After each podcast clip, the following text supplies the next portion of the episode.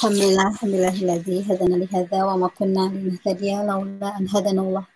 Asyhadu an la ilaha illallah wa asyhadu wa rasuluh. Rabbi wa yassir amri wa hlul min lisani yafqahu qawli. Billahi rabba wa bil islami dina Muhammadin nabiyya wa rasul. Sallallahu eh, segala puji dan syukur bagi Allah Subhanahu wa taala yang telah melimpahkan nikmat iman Islam, uh, nikmat ukhuwah Islamiyah, kesehatan, waktu lapang dan juga kesempatan kita untuk menuntut ilmu dalam situasi dan kondisi lingkungan yang sehat, udara yang bersih, lingkungan yang aman. Sementara kita sama-sama tahu sekalian ya pada saat hari ini pada saat ini saudara-saudara kita di tanah air sedang menghadapi situasi dan kondisi yang sedang tidak baik-baik saja. Semoga Allah Subhanahu wa taala melindungi saudara-saudara kita semua di tanah air dan juga semoga kondisi situasi di tanah air bisa kembali pulih seperti sedia kala. Amin. Ya Salawat dan salam semoga terlimpah kepada kedua hasanah kita Rasulullah Muhammad SAW. Sisir Filah uh, berjumpa kembali bersama kami di sini tim kajian tafsir Insa Sister yang senantiasa setia menemani sister semua di ahad petang menjelang malam untuk kawasan Amerika Kanada atau Senin pagi di tanah air. Seperti biasa malam hari ini saya ditemani oleh sister yang lainnya yang sudah hadir tengah-tengah kita ada Ainu dari Brandon Kanada, ada Mbak Fanda dari Oregon dan juga seperti biasa ada Mbak Dewi Yulia selaku streamer dari Atlanta. Baik, uh, malam hari ini uh, kita akan sama-sama uh, menikmati hidangan dari Allah Subhanahu wa taala berupa tafsir Quran surat Al-Hasyr bagian yang pertama yaitu dari ayat 1 sampai 8 masih bersama narasumber tetap kita uh, Ustadz Dr. Saiful Bahri MA. Baiklah saudara sekalian, uh, kita akan memulai kajian ini dengan sama-sama menyimak terlebih dahulu tilawah Al-Quran Quran surat Al-Hasyr ayat 1 sampai 8 yang akan dibacakan oleh Ainu. Silahkan Ainu. Ya teh, teh nah, jasakillah khair teh. أعوذ بالله من الشيطان الرجيم. بسم الله الرحمن الرحيم. سبح لله ما في السماوات وما في الأرض وهو العزيز الحكيم. هو الذي أخرج الذين كفروا من أهل الكتاب من ديارهم لأول الحشر ما ظننتم أن يخرجوا وظنوا أنهم مانعتهم أنهم مانعتهم حصونهم من الله فأتاهم الله من حيث لم يحتسبوا من حيث لم يحتسبوا وقذف في قلوبهم الرعب يخربون بيوتهم بأيديهم بأيديهم وأيدي المؤمنين فاعتبروا يا أولي الأبصار. ولولا أن كتب الله عليهم الجلاء لعذبهم في الدنيا ولهم في الآخرة عذاب النار. ذلك بأنهم شاقوا الله ورسوله ومن يشاق الله فإن الله شديد العقاب ما قطعتم من لينة أو تركتموها قائمة قائمة على أصولها فبإذن الله وليهزي الفاسقين.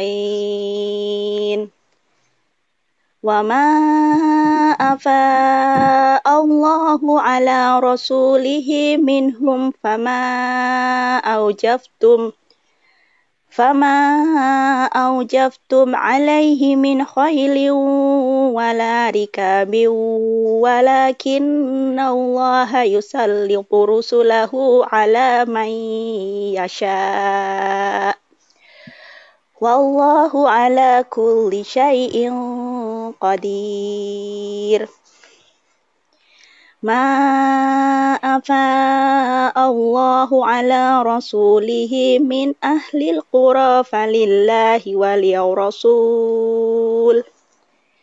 وللرسول ولذي القربى واليتامى والمساكين وبن السبيل كي لا يكون كي لا يكون دولة بين الأغنياء منكم.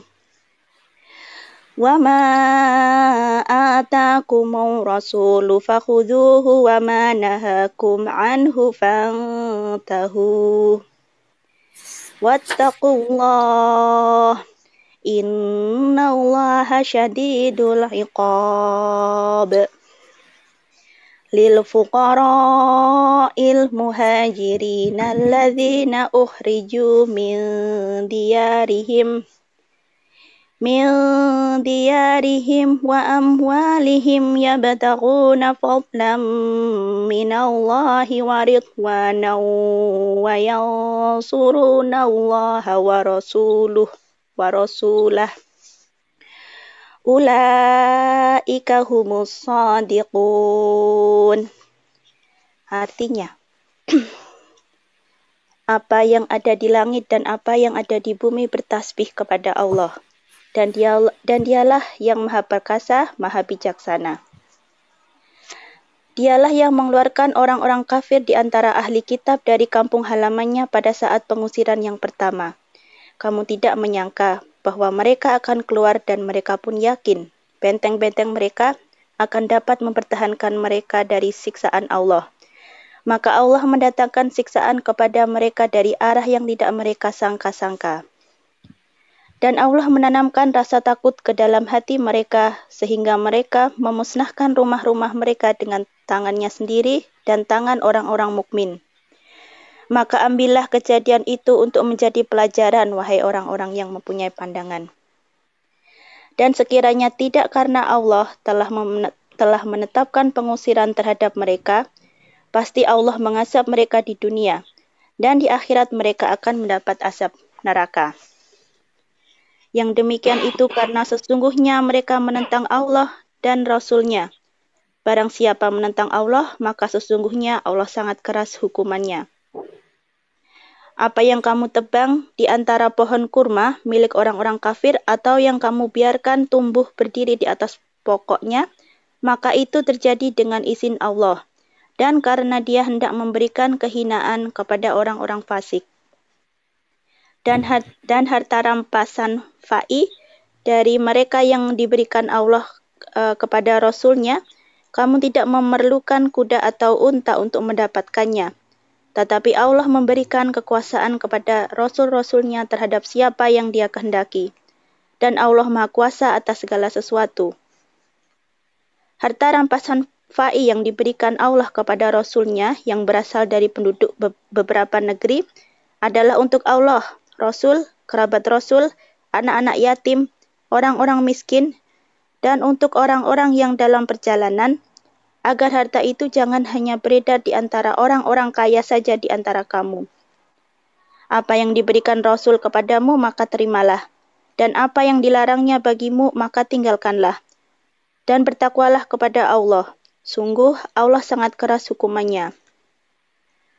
Harta rampasan itu juga untuk orang-orang fakir yang berhijrah, yang terusir dari kampung halamannya, dan meninggalkan harta bendanya demi mencari karunia dari Allah dan keridoannya, dan demi menolong agama Allah dan Rasulnya.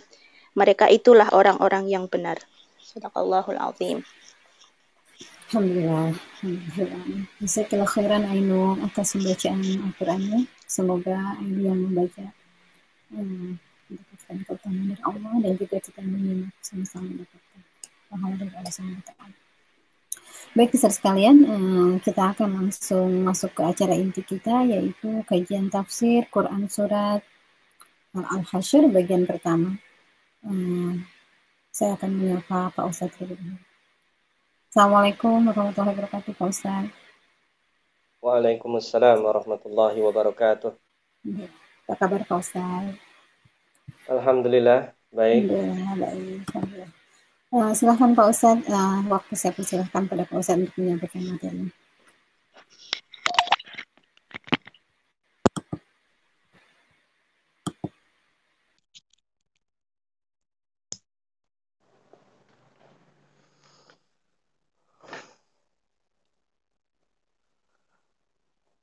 Assalamualaikum warahmatullahi wabarakatuh.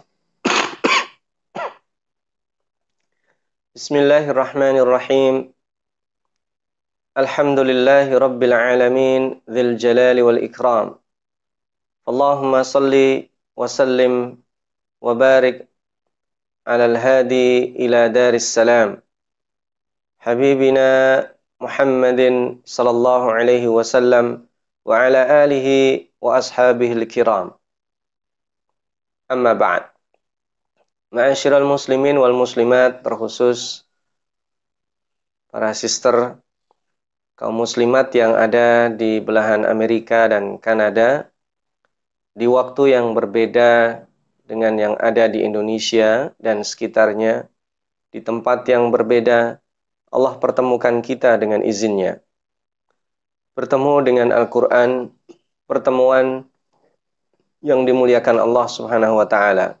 Kita berharap pertemuan ini menjadi saksi ditulisnya kita sebagai Ahlul Quran.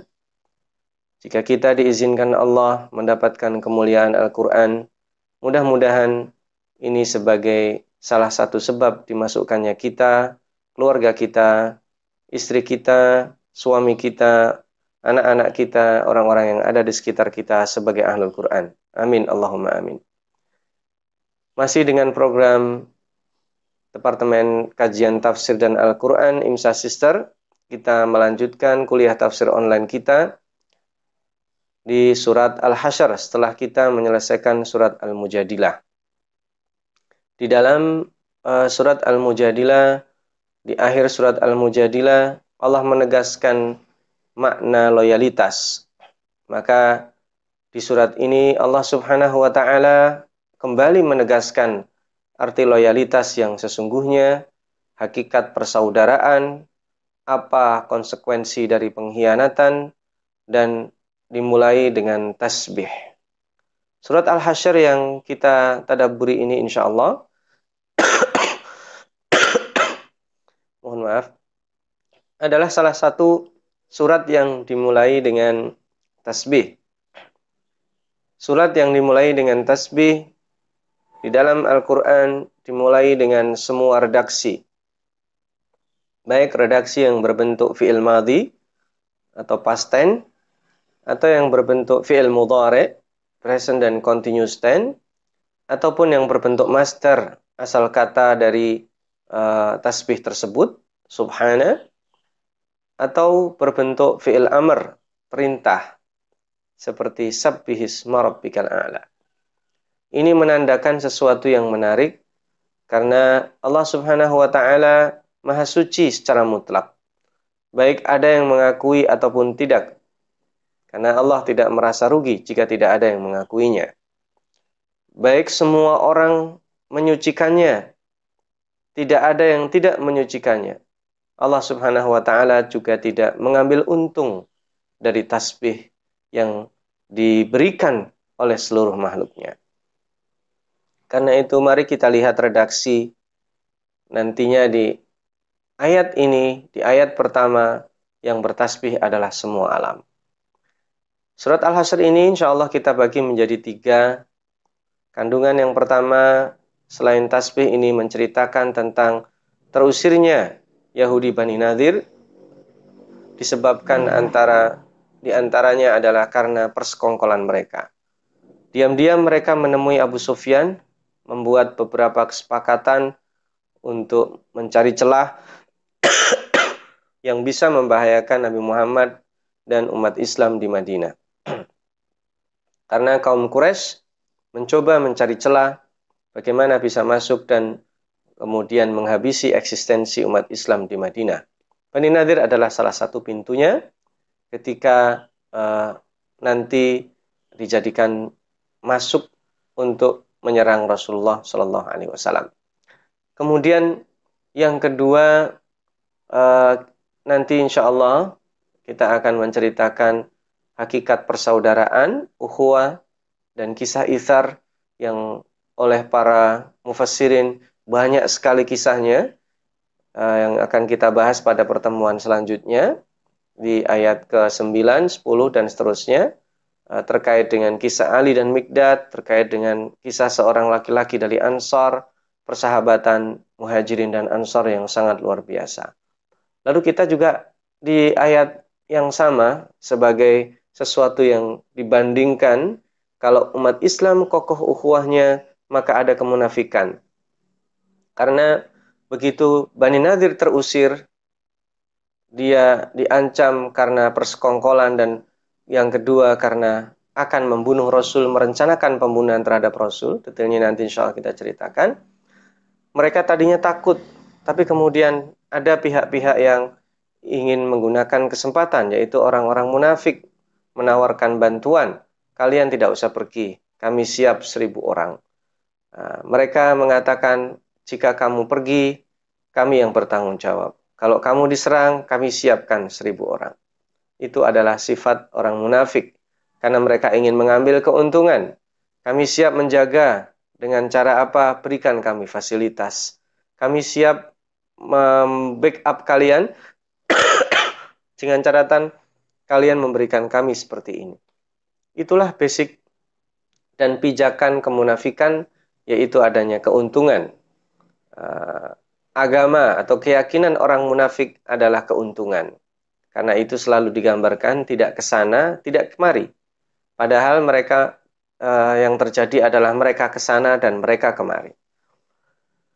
Kemudian ayat ini dihabis di uh, yang ketiga yaitu bercerita tentang perintah Allah untuk bertakwa dan kita melihat masa lalu kita yang kita alami sendiri atau dialami orang lain dan kemudian Allah berikan Al-Qur'an dan terakhir nanti kita tadaburi asma-asma Allah yang disebutkan di akhir surat Al-Hasyr.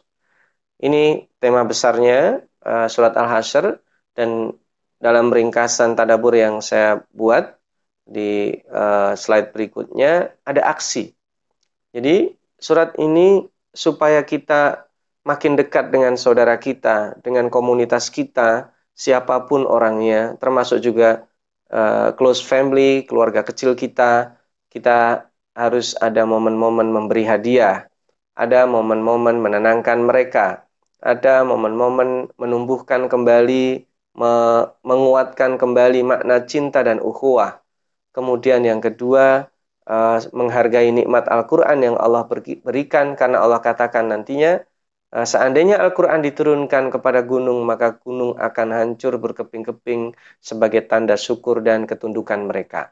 Artinya nikmat yang besar ini, betapa banyak umat Islam tidak menyadarinya, betapa banyak manusia yang enggan, yang diberikan mutiara uh, berupa Al-Quran ini ternyata abai dengannya. Maka Selain tadi yang pertama adalah hadiah, yang kedua adalah kita e, menekuri terus membaca Al-Quran, berusaha memahaminya, menikmati kandungannya, dan menebarkannya.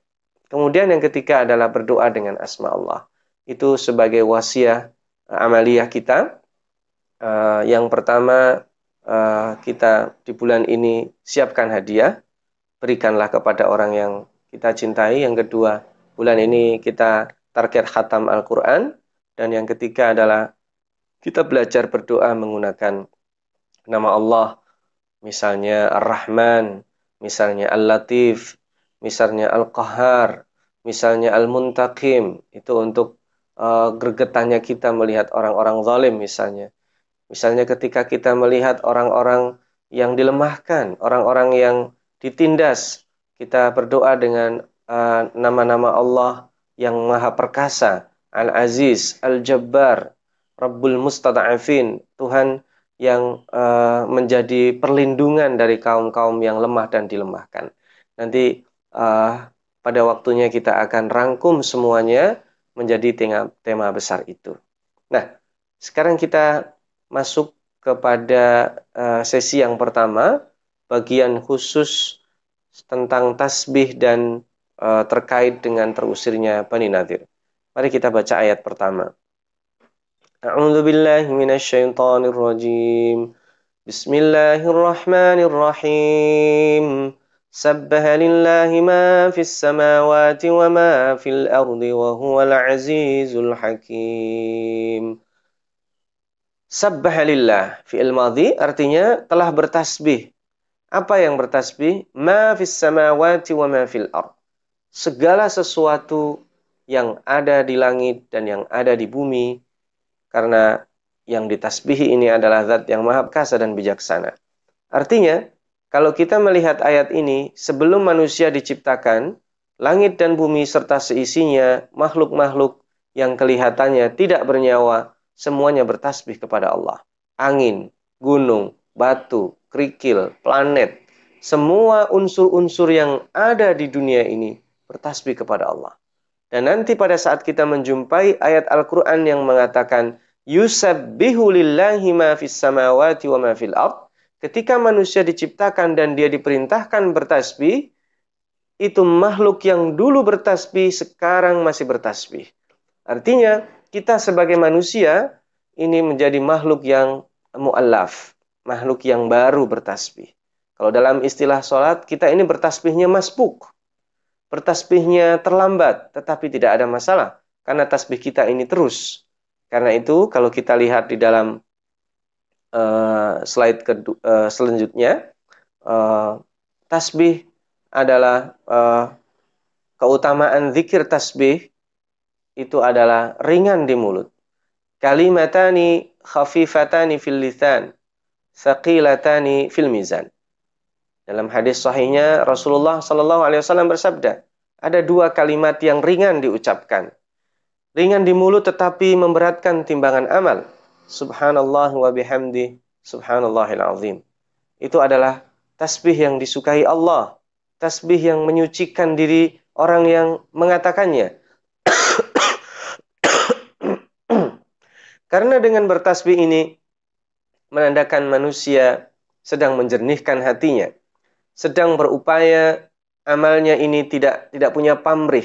Dia ingin menyucikan agar semuanya adalah untuk Allah. Dia ingin menyucikan dirinya agar kona'ah menerima keputusan dari Allah. Dia ingin menyucikan dirinya agar ketika berhasil tidak ada kesombongan.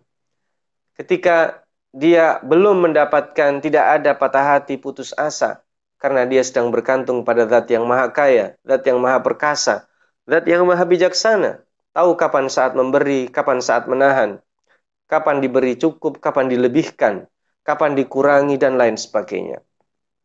Ini adalah sebuah keindahan, ritme keindahan yang kita nikmati dari zat yang kita bertasbih setiap hari. Lihatlah filosofinya, karena tasbih itulah adalah zikir yang paling banyak kita ucapkan. Disunnahkan kita ucapkan paling banyak di dalam salat kita. Ketika kita membuka salat dengan takbir, ketahuilah bahwa kita akan lebih banyak lagi bertasbih di dalam sholat kita. Dalam ruku kita, kita bertasbih. Tiga kali disunahkan. Dalam sujud kita yang pertama, tiga kali. Dalam sujud kita yang kedua, tiga kali. Setiap rokaat setidaknya seorang mukmin bertasbih kepada Allah sembilan kali. Dikalikan tujuh belas rokaat yang wajib. Dia tambahkan yang sunnah dan seterusnya. Artinya, jika seseorang melakukan itu di dalam sholat dan ditambahkan nantinya setelah sholat, dia bertasbih berkali-kali kepada Allah subhanahu wa ta'ala. Maka orang yang demikian adalah orang yang betul-betul menyucikan Allah. Karena maha, maha suci Allah ini bukan dari kekurangan saja. bukan dari tuduhan saja. Maha suci ini adalah bahwa betul-betul makna keesaan kita keesaan Allah yang kita declare kepada Allah Subhanahu wa taala. Karena itulah tasbih sebagai zikir pembuka ketika kita sudah berhasil kita mudah memuji Allah dan ketika kita mudah memuji Allah kita mudah membesarkan Allah Subhanahu wa taala. Mudah-mudahan lisan kita menjadi lisan yang mudah bertasbih. Mari kita pindah ke ayat yang kedua. هو الذي أخرج الذين كفروا من أهل الكتاب من ديارهم لأول الحشر ما ظننتم أن يخرجوا وظنوا أنهم مانعتهم حصولهم من الله فأتاهم الله من حيث لم يحتسبوا وقذف في قلوبهم الرعب يخربون بيوتهم بأيديهم وأيدي المؤمنين Fa'tabiru ya ulil absar. Jadi Allah yang mengeluarkan mereka. Mengeluarkan Yahudi Bani Nadir dari Madinah. Mereka ada di sebelah timur Madinah. Jadi Bani Nadir itu siapa? Yahudi Bani Nadir adalah salah satu klan Yahudi yang besar. Ada setidaknya tiga uh, Yahudi Bani Nadir. Uh, Yahudi di Madinah. Yang pertama Bani Nadir yang kedua Bani Qainuqa, Bani Quraidah, kemudian nanti yang terakhir yaitu Khaybar. Mungkin dalam slide yang saya bagikan masih belum disebut secara rinci dan termasuk penyebutan Khaybar. Nah, tiga Yahudi ini uh, terlibat perseteruan dengan kaum Aus dan Khazraj. Mereka kadang mem sebagian memihak ke Aus, sebagian memihak ke Khazraj. Pemihakan mereka bukan bukan mengerahkan pasukan, pemihakan mereka adalah mensuplai uh, senjata. Karena itulah sesungguhnya mereka mengambil keuntungan dari perseteruan antara Aus dan Khazraj. Ketika datang Nabi Muhammad Shallallahu Alaihi Wasallam bersama para sahabatnya ke Madinah, mereka menjadi salah satu pihak yang dirugikan karena uh, peperangan berhenti. Mereka kehilangan uh, salah satu sumber bisnis mereka, yaitu penjualan senjata perang. Tetapi tidak semua orang Yahudi Bani Nadir adalah orang-orang yang buruk. Sebagian kecil berharap bahwa perseteruan kondisi tidak normal di Yasrib saat itu berakhir. Mereka berharap diangkat nabi akhir zaman dari kalangan Yahudi. Tetapi apa yang terjadi ketika yang muncul adalah nabi dari orang-orang Arab? dari golongan Arab mereka menjadi semakin dengki dan iri dan itulah yang uh, menyebabkan Yahudi Bani Nadir dan termasuk Yahudi yang lainnya uh, mengerucut permusuhannya kepada Nabi Muhammad Sallallahu Alaihi Wasallam khususnya. Bahkan Bani Nadir ini nekat nantinya para pemukanya uh, berniat membunuh Rasulullah Sallallahu Alaihi Wasallam dalam sebuah kesempatan. Nah, lalu apa yang menyebabkan mereka terusir? Dalam salah satu riwayat, ada beberapa riwayat yang cukup banyak, Al-Fakir mencoba meringkas bahwa pada tahun kedua, ada yang mengatakan sebelum Perang Badar, ada yang mengatakan setelah Perang Badar, pasca Perang Badar, ada yang mengatakan pasca Perang Uhud. Ah, ini ada orang-orang Yahudi Bani Nadir yang pergi ke Mekah. Mereka dipimpin oleh Salam bin Mishkam, bertemu dengan Abu Sufyan, ada beberapa MOU yang ditandatangani di uh, depan Ka'bah, yaitu MOU memudahkan orang-orang Quraisy ketika punya kepentingan di Madinah. Termasuk di antara kepentingannya adalah tidak menginginkan berkembangnya pengikut pengikut Nabi Muhammad SAW. Mereka tidak difasilitasi uh, Muhammad untuk berkembang. Padahal di saat yang sama Yahudi sudah punya uh, tanda tangan kesepakatan. Dia berada di masuk di Darul Ahad. Mereka sudah punya kesepakatan yang ditandatangani dengan Rasulullah Sallallahu Alaihi Wasallam. Artinya dengan menandatangani itu dia sudah uh, mencoba untuk beringkar janji dengan kesepakatan yang sudah ditandatangani dengan Rasulullah Sallallahu Alaihi Wasallam. Ini yang pertama. Yang kedua, karena Rasulullah Shallallahu Alaihi Wasallam memiliki perjanjian, Yahudi punya perjanjian, ada namanya koalisi dengan suku-suku. Nah, yang terjadi apa? Pasca terjadi Bi'ru Ma'una yang mengakibatkan terbunuhnya sekitar 70 hufaz yang dikirim Rasulullah Shallallahu Alaihi Wasallam di dalam tragedi Bi'ru Ma'una. Nah, ini ada dua orang dari Bani Kilab yang dibunuh oleh Amr bin Umayyah Ad-Damiri. Nah, Amr bin Umayyah Ad-Dhamiri ini masuk ke wilayah uh, koalisi Bani Nadir.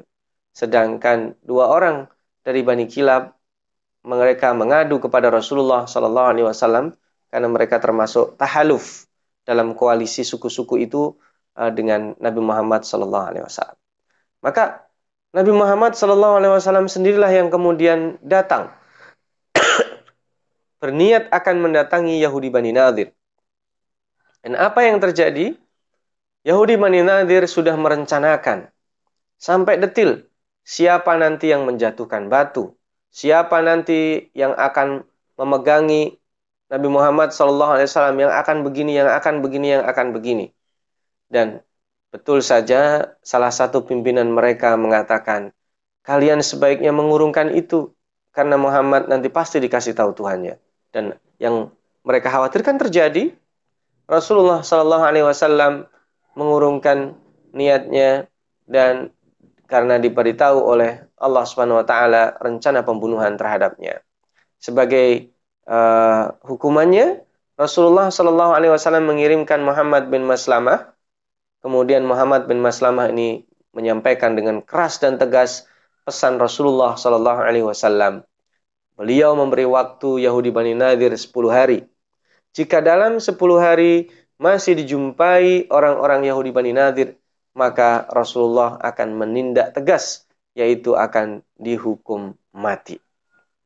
Ancaman itu rupanya membuat mereka ketakutan. Karena tadi kita lihat ya, uh, Madonantum ayah ruju. Umat Islam tidak mungkin membayangkan bagaimana bisa mengusir mereka. Bentengnya sangat kokoh. Orangnya kaya-kaya, punya koneksi di mana-mana, senjatanya lengkap. Tidak mungkin mereka keluar. Bahkan ini kata Allah Subhanahu wa taala, "Ma dhanantum wa dhannu annahum mani'atuhum husunuhum minallah." Dan mereka juga menyangka bahwa dengan benteng itu mereka sanggup oh, bertahan di sana. Tetapi Allah Subhanahu wa taala katakan di sini wa qadhafa fi qulubihimur ru'b. Itu yang menjadi sebab. Karena kepengecutan itu tidak identik dengan materi. Pengecut itu bisa ada di dalam dada siapa saja, termasuk orang yang berbaju seragam perang lengkap dengan peralatannya, keberanian juga sebaliknya bukan hanya dimiliki oleh orang yang punya materi lengkap. Maka sesungguhnya ini adalah uh, yang Allah tanamkan kepada mereka. Ancaman ini membuat mereka takut. Jadi tidak sampai 10 hari mereka langsung malam itu hendak terpirit-pirit. Tetapi, nah ini tadi yang Al-Fakir katakan, rupanya ketika mendengar Nabi Muhammad hendak mengusir Yahudi Bani Nadir, nah ada orang-orang munafik yang ingin mengambil kesempatan. Dia mendekat kepada Bani Nadir dan mengatakan, udah gini aja kita cincai aja, uh, kamu bagi ya harta kamu kepada kami, kami siapkan seribu orang. Gampang lah, saya tahu uh, kelemahan dan kekurangan pasukan Muhammad. Itu kata Abdullah bin Ubay bin Salul. Dan nanti kisah detilnya mereka insya Allah akan kita bahas pada pertemuan yang kedua. Karena ini nanti dimulai di uh, ayat 11. Jadi sebagai pembuka, uh, mereka kemudian tadinya takut menjadi kuat lagi. Nah, ketika mereka menjadi kuat itu, uh, Yahudi Bani Nadir kembali mendengar ancaman yang dikiranya tadinya hanya menggertak saja. Rasulullah Shallallahu Alaihi Wasallam serius. Maka kemudian umat Islam mulai ada pergerakan, dikerahkan hendak mengepung ketika ada pergerakan sedikit saja yang sesungguhnya tidak banyak, tidak ada usaha yang yang pengerahan pasukan besar-besaran dengan apalagi dengan kuda, tidak ada, kembali menyampaikan pesan Rasulullah. Dan yang diutus adalah Muhammad bin Maslamah kembali. Eh, lalu apa yang terjadi? Maka sesumbar mereka, keangkuhan mereka runtuh. Mereka tidak disangka-sangka kemudian uh, hari itu juga di hari yang dijanjikan mereka akan ditolong oleh orang-orang munafik, mereka meninggalkan kota Madinah. Nah, kaum muslimin tentu tidak menyangka bisa secepat itu. Dan mereka dilarang membawa senjata. Senjatanya akhirnya ditinggal. Mereka kalau kita lihat di ayat selanjutnya, seandainya pun mereka bertahan, pasti Allah akan berikan yang lebih berat. Karena kalau mereka bertahan, mereka akan mati. Makanya ini ada ayat yang tadi kita baca, ya. Walaula an kataballahu alaihimul jala. Seandainya Allah tidak takdirkan mereka terusir, la'adzabahum fid dunya. Tentu azabnya lebih berat di dunia dengan kekalahan. Walahum fil akhirati uh, azabun nar. Sedangkan mereka di akhirat akan mendapatkan azab juga dari neraka. Kenapa demikian? Dzalika bi annahum syaqullaha wa rasulah wa may yushaqillaha fa innallaha syadidul iqab. Dan ini uh, akhwati fillah kaum muslimat uh, peserta tajian tafsir online Imsa Sister yang dimuliakan Allah, ini adalah masalahnya ketika seseorang melawan Allah, ketika seseorang menentang Allah, yang dia tantang adalah alam yang bertasbih kepada Allah. Hati-hati menantang Allah, seandainya Allah pun tidak memerintahkan kita ini melawan seluruh alam. Ketika Allah katakan, Sabbahalillahi ma fis samawati wa ma fil. Berarti ketika kita menantang Allah, kita menantang melawan langit-langit dan melawan bumi serta seisinya maka hidup akan menjadi sempit. Kita menjadi tidak enak, menjadi tidak nyaman, makan tidak nyaman, tidur tidak nyaman. Itulah yang dirasakan oleh orang-orang Yahudi Bani Nadir dan akhirnya mereka meninggalkan tempat.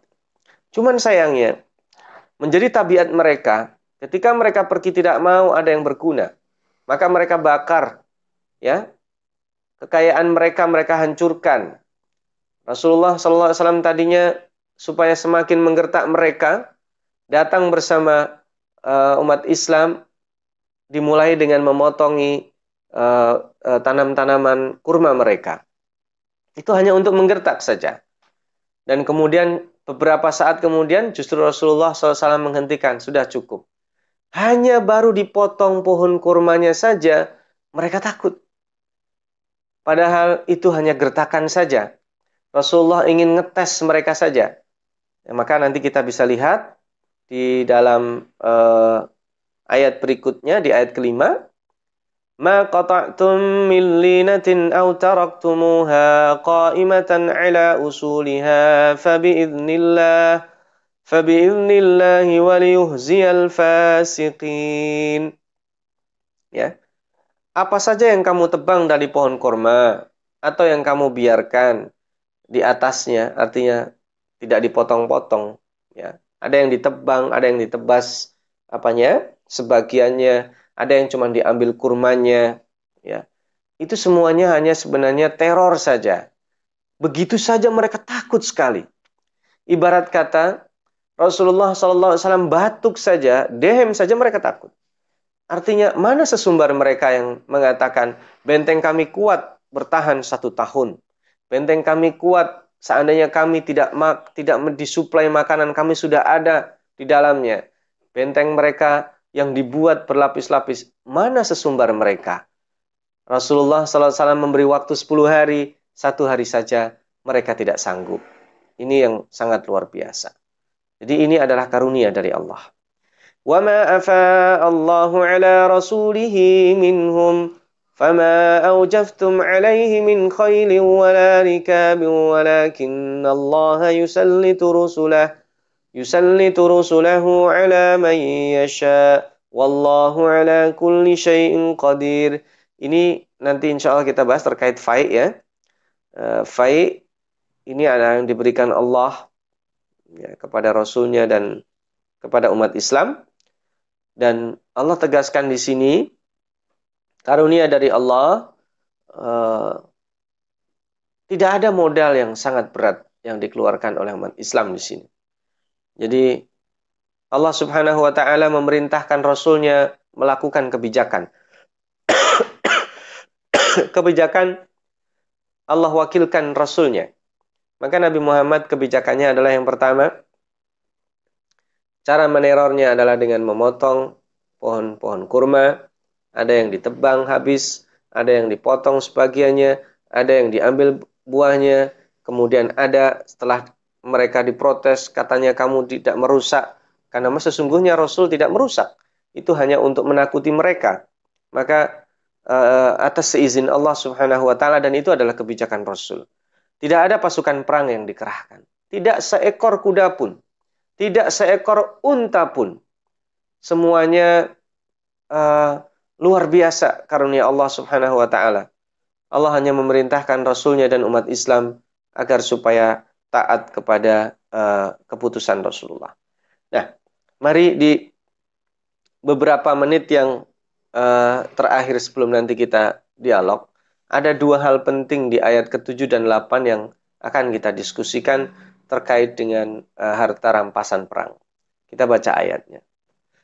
ما أفاء الله على رسوله من أهل القرى فلله وللرسول ولذي القربى واليتامى والمساكين وابن السبيل كي لا يكون دولة بين الأغنياء منكم وما, أفاء وما آتاكم الرسول فهذوه وما نهاكم عنه فانتهوا Wattaqullaha innallaha syadidul iqab. Apa saja dari fight atau rampasan perang yang diberikan Allah kepada Rasulnya yang berasal dari uh, kota-kota atau tempat kediaman Bani Nadir tadi, dan ini berlaku umum untuk yang lainnya juga, maka keputusannya diserahkan Rasul, diberikan yang pertama kepada kerabat Rasul, yang kedua adalah orang-orang yatim, orang miskin, kemudian Ibnu Sabil, uh, orang yang kesulitan di dalam perjalanan dan ini sebabnya adalah untuk menghindari monopoli kekayaan berputar di eh, situ-situ uh, saja. Nah, ini yang menarik adalah kalau di sini dibahasakan min ahlil qura. Kalau di ayat-ayat pertama tadi dikatakan min diarihim. Diar itu jamak dari dar. Dar itu artinya rumah. Dar dengan bait artinya sama. Hanya penggunaan filosofinya saja yang berbeda. Kalau di awalil hasyr tadi, min diarihim, itu artinya dari tempat yang mereka muter-muter di situ. Karena manusia pada hakikatnya memiliki, memiliki pola-pola kegiatan yang rutin. Di antara pola kegiatan yang paling rutin dia puteri, ya rumahnya. Kalau tempat pekerjaannya dengan rumah paling sering dia puterin tentu rumahnya. Ya, kalau tidak berarti rumahnya uh, tidak disebut dar. Disebut dar berarti tempat kerjanya. Kalau tempat kerjanya lebih banyak dijadikan tempat muter-muternya. Maka dar itu dara yaduru. Uh, daurah. Uh, dar itu tempat muter-muternya. Sedangkan kalau rumah itu digunakan untuk tidur, itu disebut bait. Karena itu ada istilah mabit. Karena tidur itu disebut uh, mabit, tidur di malam hari. Nah, biasanya orang tidur di malam hari itu di rumahnya, itu bait.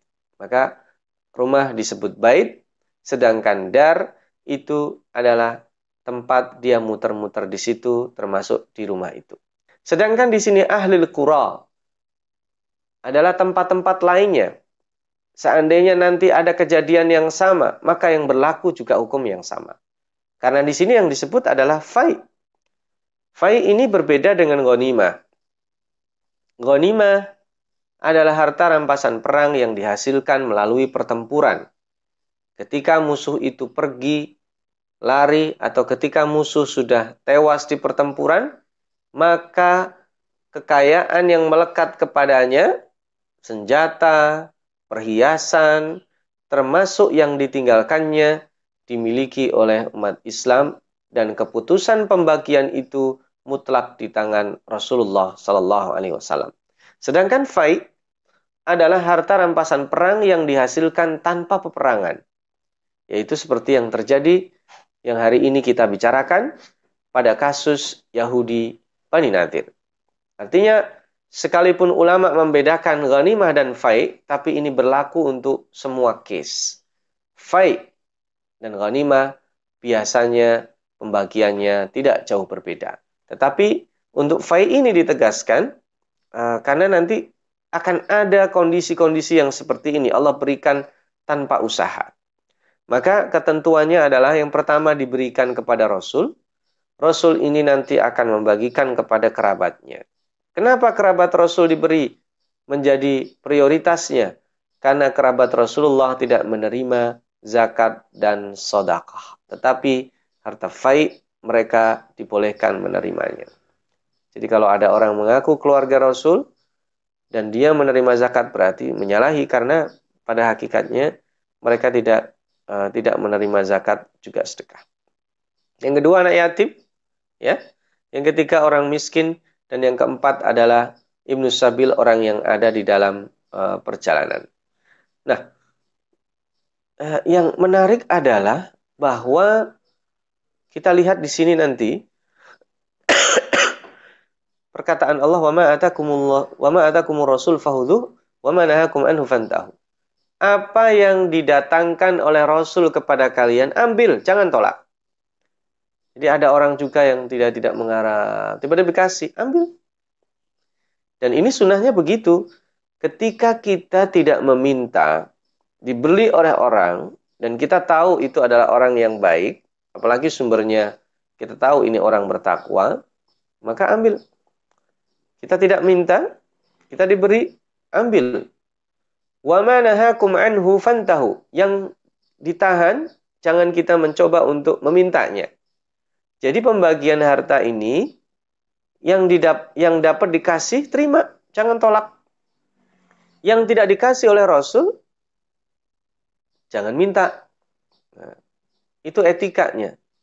Kita juga demikian, dikasih hadiah, terima, tidak dikasih, jangan meminta.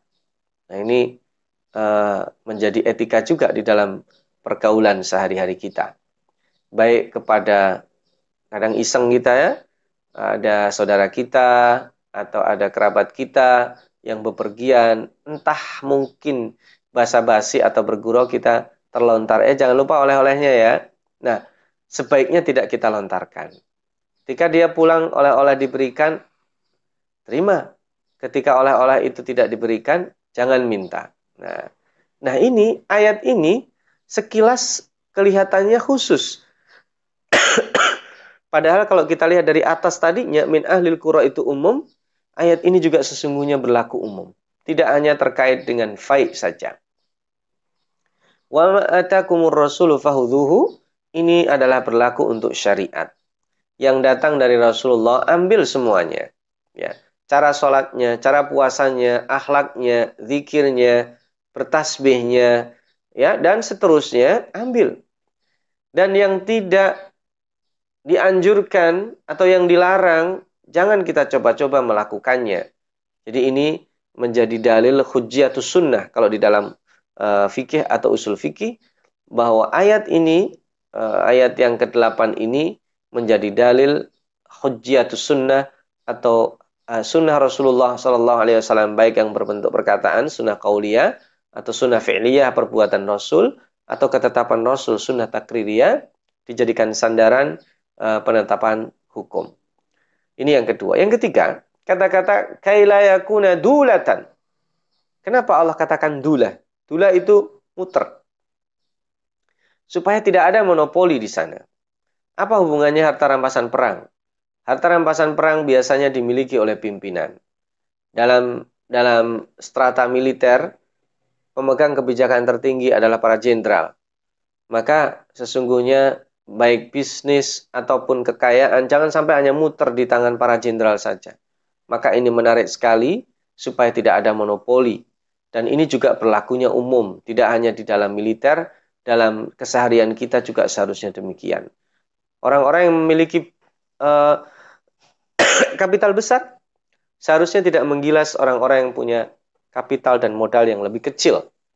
Supaya tidak ada dula, maka tidak ada uh, monopoli, maka perlu adanya sharing, perlu adanya sedekah, perlu adanya uh, pemberdayaan ekonomi agar tidak ada orang yang dirugikan.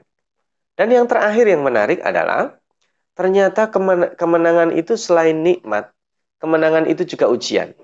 Nah, Al-Fakir bacakan ayat terakhir ya yang kita tadaburi hari ini. للفقراء المهاجرين الذين أخرجوا من ديارهم وأموالهم يبتغون فضلا من الله ورضوانا وينصرون الله ورسوله أولئك هم الصادقون Selain yang tadi sudah ditentukan, ternyata harta ini diberikan kepada orang fakir dari kalangan muhajirin. Jadi, prioritasnya adalah untuk orang-orang muhajirin. Dan di sinilah masuk lagi orang munafik. Tuh lihat ketahuan belangnya Muhammad. Muhammad tuh begitu. Yang dikasih orang yang dekat sama dia. Yang dikasih adalah orang-orang yang sama dia dari Mekah. Kalian kok masih ya mau ya nolongin dia? Kata mereka. Dikomporin itu. Orang Ansar. Kalian itu susah-susah menerima orang muhajirin. Ketika mereka mendapat rampasan perang yang di-sharing siapa? Yang dibagi siapa? Ini adalah bisikan dari setan berbentuk manusia. Tetapi jika kedalaman iman itu kuat, basic-basic ukhuwah itu adalah sangat kuat, maka perkataan itu akan berlalu. Tetapi ternyata ada beberapa orang yang mungkin sedang kondisinya lemah, maka itu menjadi uh, uh, sebab masuknya hal-hal yang tidak baik. Tetapi karena ini tidak dominan, maka Allah Subhanahu wa taala turunkan kemuliaan orang Ansar, bagaimana mereka ithar, bagaimana mereka mengutamakan saudaranya orang-orang uh, Muhajirin dan insya Allah nanti kita akan uh, tadaburi lebih detail pada pertemuan yang akan datang. Di akhir uh, pertemuan kita, uh, Al-Fakir hanya ingin menekankan bahwa yang pertama bertasbihlah yang banyak. Dengan bertasbih ini kita siap untuk menang, siap untuk kalah, siap untuk bahagia. Seandainya kebahagiaan itu belum kita capai, maka kita siap membahagiakan orang sekalipun kita tidak memilikinya. Karena begini, memberi itu tidak harus menunggu kita mampu bahagia. Membahagiakan itu tidak harus menunggu kita bahagia. Karena bisa jadi kebahagiaan itu kita dapatkan ketika kita membahagiakan orang lain. Maka bertasbih ini adalah untuk membesarkan jiwa. Yang kedua, belajar dari case Bani Nadir.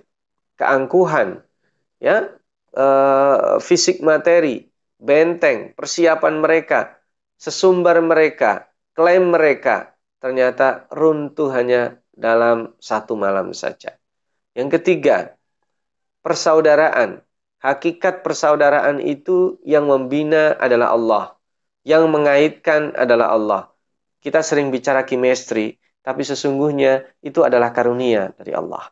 Berapa banyak kita mencoba untuk membuat uh, teamwork, ya, kita merekayasa dekat dengan orang, tapi sulit. Sementara kadang kita bertemu orang sebentar saja, kliknya cepat. Itu yang memberi adalah Allah Subhanahu wa Ta'ala. Dan yang terakhir, kemenangan justru itu menjadi cobaan yang berat. Uh, kondisi lapang, uh, zona aman, kenyamanan, itu ujian berikutnya yang berat. Karena pada saat itu leverage kita menjadi naik, kita menjadi lebih berdaya, dan uh, tasbih yang tadi kita uh, sudah ungkapkan di awal, kalau di basicnya tidak kuat, bisa mengikis ini. Ada iri. Sementara yang satu merasa tidak perlu memperhatikan saudaranya. Selain iri, nanti akan ada yang berikutnya adalah tidak peduli dengan saudaranya. Selain itu, kemudian mulai ada perbedaan pendapat, perselisihan, dan lain sebagainya. Karena ingat, harta di mana pun berada, dia menjadi potensi fitnah. Wa'alamu annama amwalukum wa auladukum fitnah. Harta itu menjadi nomor satu, berpotensi menjadi fitnah. Tapi ingat juga, menjadi salah satu sebab meraih kemuliaan karena berjihad juga uh, selalu bi amwalikum wa anfusikum. Ini sebagai mukaddimah uh, kita dalam uh, menandaburi surat Al-Hasyr menikmati hidangan Allah yang uh, luar biasa mengakhiri hari bagi uh, saudara-saudariku yang ada di Amerika dan Kanada dan memulai hari uh, optimis di hari kerja di di Indonesia. Mudah-mudahan bermanfaat. nanti insya Allah kita sambung pada sesi dialog. Saya kembalikan kepada uh, moderator. Jazakumullah khairan. Mohon maaf atas kekurangan dan kekhilafan. Wassalamualaikum warahmatullahi wabarakatuh. Waalaikumsalam warahmatullahi wabarakatuh. Alhamdulillah. Jazakallah khairan kasir Ustaz atas materinya yang luar biasa, Masya Allah. Eh, banyak sekali ilmu yang kita dapat pada malam hari ini ya, uh, sekalian dan juga pendengar kajian ini di mana pun berada.